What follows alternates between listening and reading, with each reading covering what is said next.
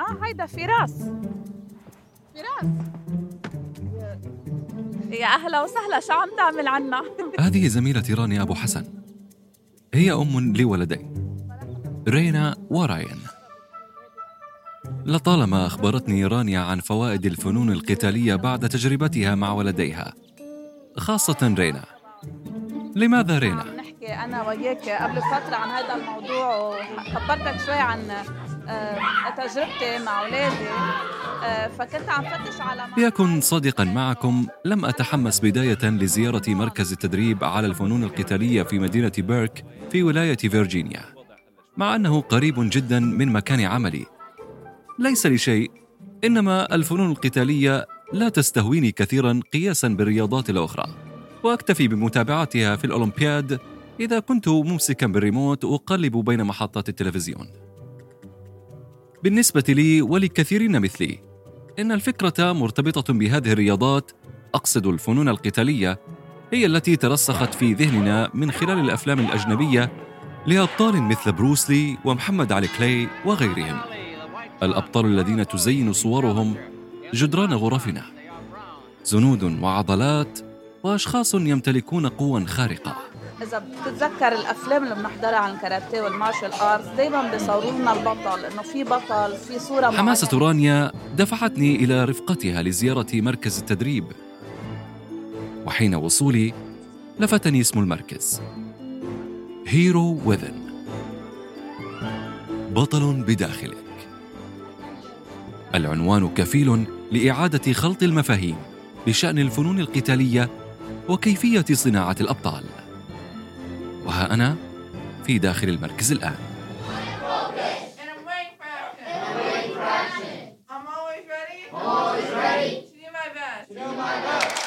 في هذا البودكاست سنعرف من هو البطل الحقيقي ونتعرف إلى البطل في داخل كل منا.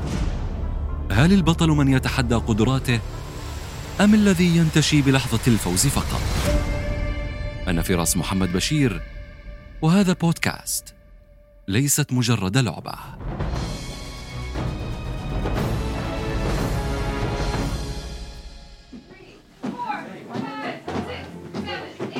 مركز التدريب عبارة عن غرفتين. غرفة عند دخولك تجد بساط التدريب بلون أزرق يغطي أرضية المكان. وغرفة أصغر تستريح فيها الكلبة كلاريس. نعم، في المركز كلبة، ولوجودها أهمية في تدريب الأطفال. لكن قبل أن أعرفكم على دور كلاريس، دعونا نتعرف على المدرب المشرف على المركز، ماستر دي. Hi, I'm Master Dietrich here from the Hero Within Training Center. Pleasure to meet you guys. صف التدريب عبارة عن تجمع عائلي. الأعمار ليست متقاربة، وأن اختلف مستوى التدريب. على هذا البساط أشاهد الأب وابنه، الأم وابنتها. تشعر وكأنك لست في صف تدريب للفنون القتالية، بل ضمن عائلة واحدة. الكل مستعد لمساعدة الآخر، ليس فقط في التدريب على القتال، إنما على أشياء أخرى كالمساعدة في إنهاء الفروض المدرسية أو تقديم النصائح كما تفعل السيدة جرينز وهي المتقاعدة من الخدمة العسكرية.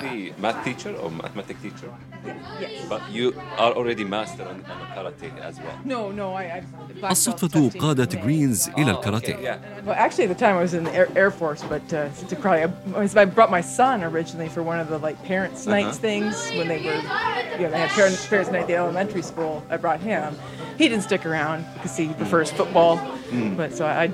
أحبت اللعبة وبرعت فيها. وقدمت أقصى ما لديها لمساعدة الأطفال في المركز Miss جرينز معلمة رياضيات حاليا بعد انتهاء التدريبات تقوم بمساعدة الطلاب في فروضهم It's just the kids here. It's it's I mean families. So families helping each other. We're helping each other learn karate, and, and I mean, in this case, I, I help Marina with math or anybody that needs help with math. ربما هذا ما قصدته رانيا عندما أخبرتني عن هذا المركز فكنت عم فتش على محل إنه أنا ما بدي أولادي يكونوا أبطال. أنا بدي هن يحسوا من جواتهم كل واحد فيهم بطل هدى التدريب قليلا. عائلة المركز ستحتفل بعيد ميلاد آفي. إحدى الطالبات في صف الكاراتيه. وقد أصبح عمرها 13 سنة. مثل ما شايف فراس إنه نحن هون عائلة. بنساعد بعض بنحتفل بأعياد بعض نحزن لبعض بنفرح لبعض. انتهى الاحتفال والمعايدة. ليبدأ صف جديد لمن هم دون العاشرة. يطلب ماستر دي من ريانا أن تقدم التعهد الذي يجب أن يقسم به الطلاب قبل بداية أي صف. وها هي ريانا ذات السبع سنوات. لدي التركيز وجاهز لأخذ المبادرة. أنا على استعداد تام لبذل قصارى جهدي من أجل تقديم أفضل ما عندي. أتمتع بالانضباط كي أتمكن من التحكم في نفسي وأكون محترما. لا أريد القتال لكنني مستعد للدفاع عن نفسي وعائلتي. أقدم خالص ولائي لأكون بطلا ولانال شرف نيل الحزام الأسود. هذا التعهد جزء أساسي من التدريب. يحث الطلاب على تعلم مبادئ أساسية في الحياة. قد تكون أهم من القتال. المبادئ هي الاحترام الانضباط التحكم في النفس وحمايتها في نفس الوقت. هنا تتعلم أن تكون بطلا في داخلك وفي القيم التي تمتلكها دون التركيز على الفوز. هنا في الدوجو أو مركز الفنون القتالية يأتي الكل مع العائلة لتعلم فنون الكاراتيه لأسباب مختلفة. ولريان المنضمة حديثا إلى المركز أسبابها هي الأخرى.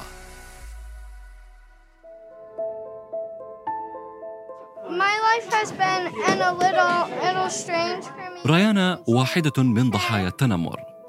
تعرضت لأشكال متنوعة منه.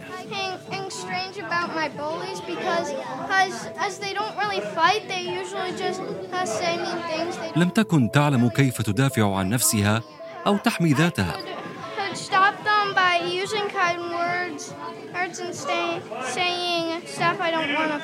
قبل أن تضم للمركز كراين الذي يشارك ريان السبب نفسه.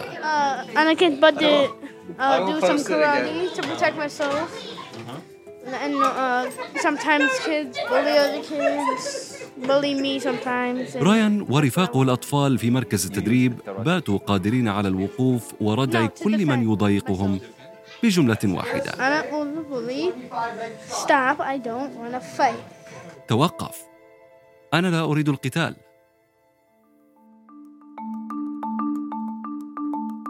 يتعلم الأطفال في كثير من الأحيان تقنيات الدفاع عن النفس ليستعيدوا قوتهم وثقتهم بنفسهم ويتخلصوا من آثار التنمر الذي وقع عليهم؟ وهل تعلم أن واحدا من بين كل ثلاثة طلاب يتعرض للتنمر في المدارس بحسب منظمة اليونسكو؟ أذكر تقريرا شاهدته عبر شبكة اي بي سي نيوز غداة انتحار طالب ثانوية بسبب التنمر. الشبكة ذكرت حينها أن أكثر من 160 ألف طفل أمريكي يتغيبون عن المدرسة يوميا بسبب الخوف من التعرض للتنمر.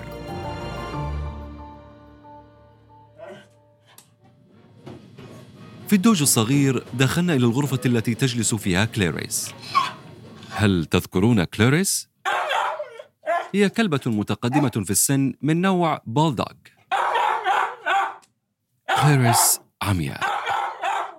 وجودها ليس صدفة بل ليتعلم الطلاب معنا أن تشارك الآخرين همومهم وتحمل المسؤولية والتعاطف مع قصصهم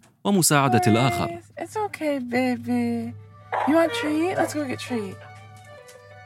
دروس يتلقونها مجانا من خلال رعاية كلاريس to take care of something that needs help besides themselves. مس سميث مدربة في المركز وصاحبة الكلبة كلاريس تصطحب مس سميث الكلبة العمياء يوميا إلى النادي وتوزع مهام الاهتمام بالكلبة على عدد من الطلاب هكذا يتعلم الأطفال الإحساس بالآخر وضرورة رعاية من هم بحاجة للرعاية Teaches them. Um, responsibility and uh, it helps her because it helps her to be around the kids and not be alone. هنا يتعلم الأطفال تقبل الآخر واحترام الاختلاف بدلا من التنمر. الاحترام أو التعاطف أو الانحياز للأضعف ومساعدته، كل هذه المبادئ كنا وما زلنا نشاهدها في الأفلام القتالية التي تعلقنا ببعضها. تعلقنا بتلك الأفلام وأبطالها لغاية معينة قد نريد مثلا أن نشبههم وأن نكون أقوياء. لكن الرياضات القتالية كالجودو والكاراتيه وغيرها الكثير ليست مجرد ملاكمة وفوز إنما هناك دروس وعبر خلفها. قيم يتعلمها الفرد ومثل فتى الكاراتيه أو كاراتيه كيد. الفيلم الذي أنتج عام 2010 للممثل جاكي شان حين كان يدرب فتى صغيرا على مهارات الكونغ فو والكاراتيه ومع كل لقطة من الفيلم كان يؤكد على تلك المبادئ.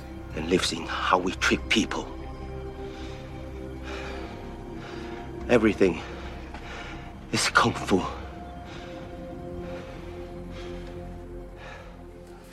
في الدوجو طفلة جميلة تدعى ليلي بطلة من أبطال المركز I do karate and ninja, and I like do a five kicks.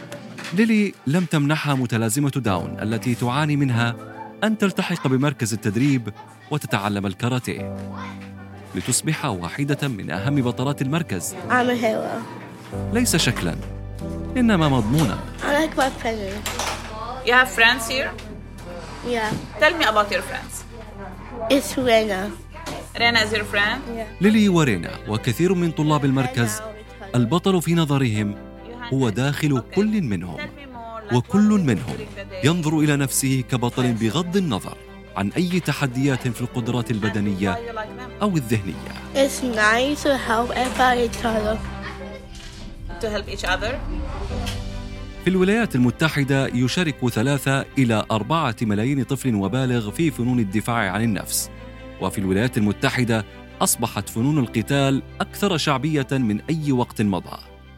في الواقع هل تعلم أن صناعتها في البلاد تبلغ قيمتها عشرة مليارات دولار؟ ما زلت في دوجو هيرو ويذن أراقب جينيفر وهي سيدة أربعينية تتدرب مع عائلتها المؤلفة من زوجها Hi, وولديها how are you? So, first, what's your name?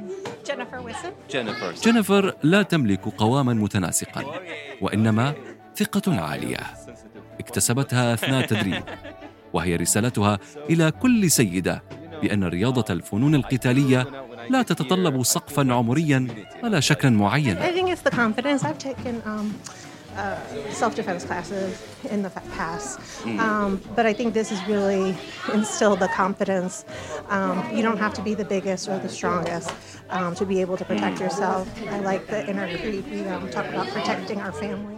جينيفر ليست الوحيدة التي تأتي مع عائلتها يومين في الأسبوع إلى الدوجو بل ها هو علاء الدين علاء الدين أنا من المغرب أنا والدي هنا هذا إبراهيم آه، والدي إبراهيم آه، عنده خمس سنين يصل المركز مع ولده الصغير إبراهيم الذي دخل بكل حماس وثقة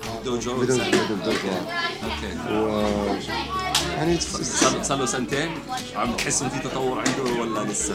صح أبو إبراهيم يتدرب جنبا إلى جنب مع ابنه في المركز يتعلم إبراهيم ليس فقط الكاراتيه إنما أشياء أهم والله في فيديو عن شي حاجة, آه، حاجة يعني آه، هو حاجة عائلي عشان كاراتيه بي بي بي بيعمل bonding صح؟ ال bonding آه، بيعمل أدب شوية أدب.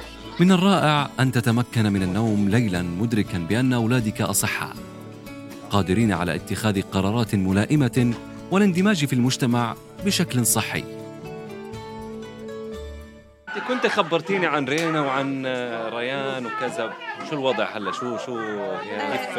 رينا وراين مثل ما انك شيء عدت إلى زميلتي رانيا والتي تتحدث اليوم عن ابنتها رينا بفخر. لهيك بتشوف بشوفها اليوم إنه هي حاسة حالها بطلة هي حاسة حالها رينا اليوم تقود صف الكاراتيه كمدربة مساعدة بعمر السادسة عشر من العمر.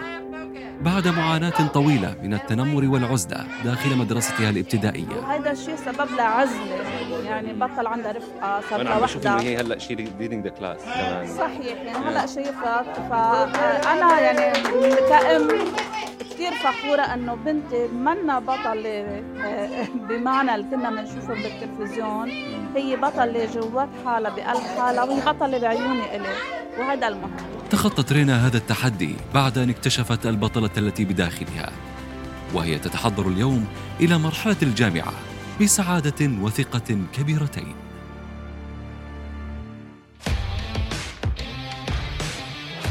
يطور طالب الفنون القتالية مهارات ربما لم يكتسبها في أي مكان آخر. القوة البدنية ستكون الإجابة التقليدية. إلا أن التركيز العقلي التركيز تحت الضغط. ضبط النفس الانضباط تحسين المهارات الاجتماعية حل النزاعات وتطوير الصداقات. ويمكنني أن أذكر لك الكثير من المبادئ التي من الممكن أن نتعلمها التي لن أكون أفضل من ماستر دي كي يشرحها. More strength, more kindness, more and humanity in themselves, and then they share that as a community. master دي هو المعلم أو المدرب أو كما متعارف عليه في الدوجو سينسي. يؤطر لنا كل ما سمعناه من مبادئ في هذه الحلقة. في قصة عاشها مع فتى كان يعاني من ضمور العضلات. muscular dystrophy وهو مرض يتسبب بالضعف التدريجي وفقدان العضلات. Over time, he will lose his ability. وصل الفتى مع والده إلى الدوجو وطلب والد الفتى من ماستر دي مساعدة ولده في تمكينه بالتعايش مع مرضه Words. Can you empower my child?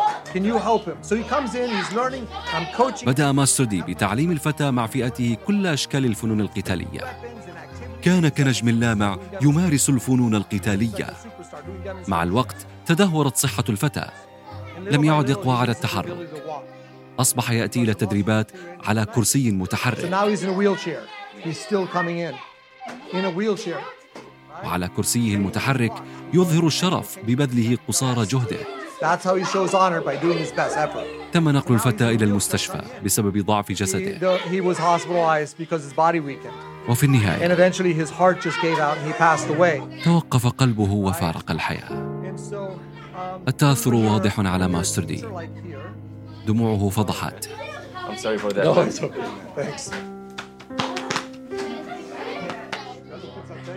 هو لم يخسر مجرد طالب من طلابه بل فرد من عائلة الدوجو الكبيرة. حين حضوره جنازة الفتى تفاجأ بأن والد الفتى سيدفن ولده. بزي الفنون القتالية.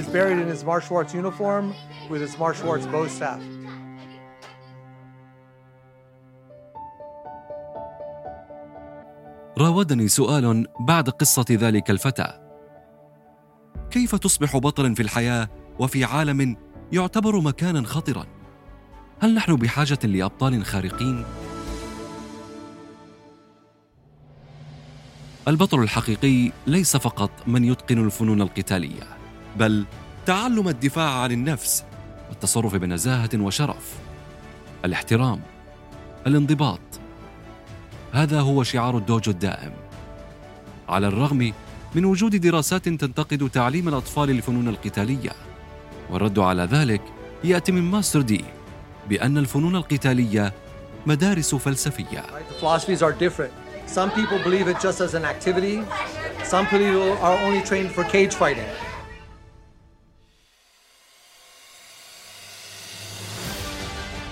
اللعب النظيف يعني ممارسة اللعبة لحماية النفس العائلة ومساعدة الآخر ما استطاع إليها سبيلا اللعب النظيف يعني بناء العزيمة والثقة بالنفس تحلي بالشجاعة والنضال من أجل هدف مهما كان كل هذا حتى يجد كل منا البطل الذي بداخله. كان هذا بودكاست. ليست مجرد لعبة وأنا فراس محمد بشير.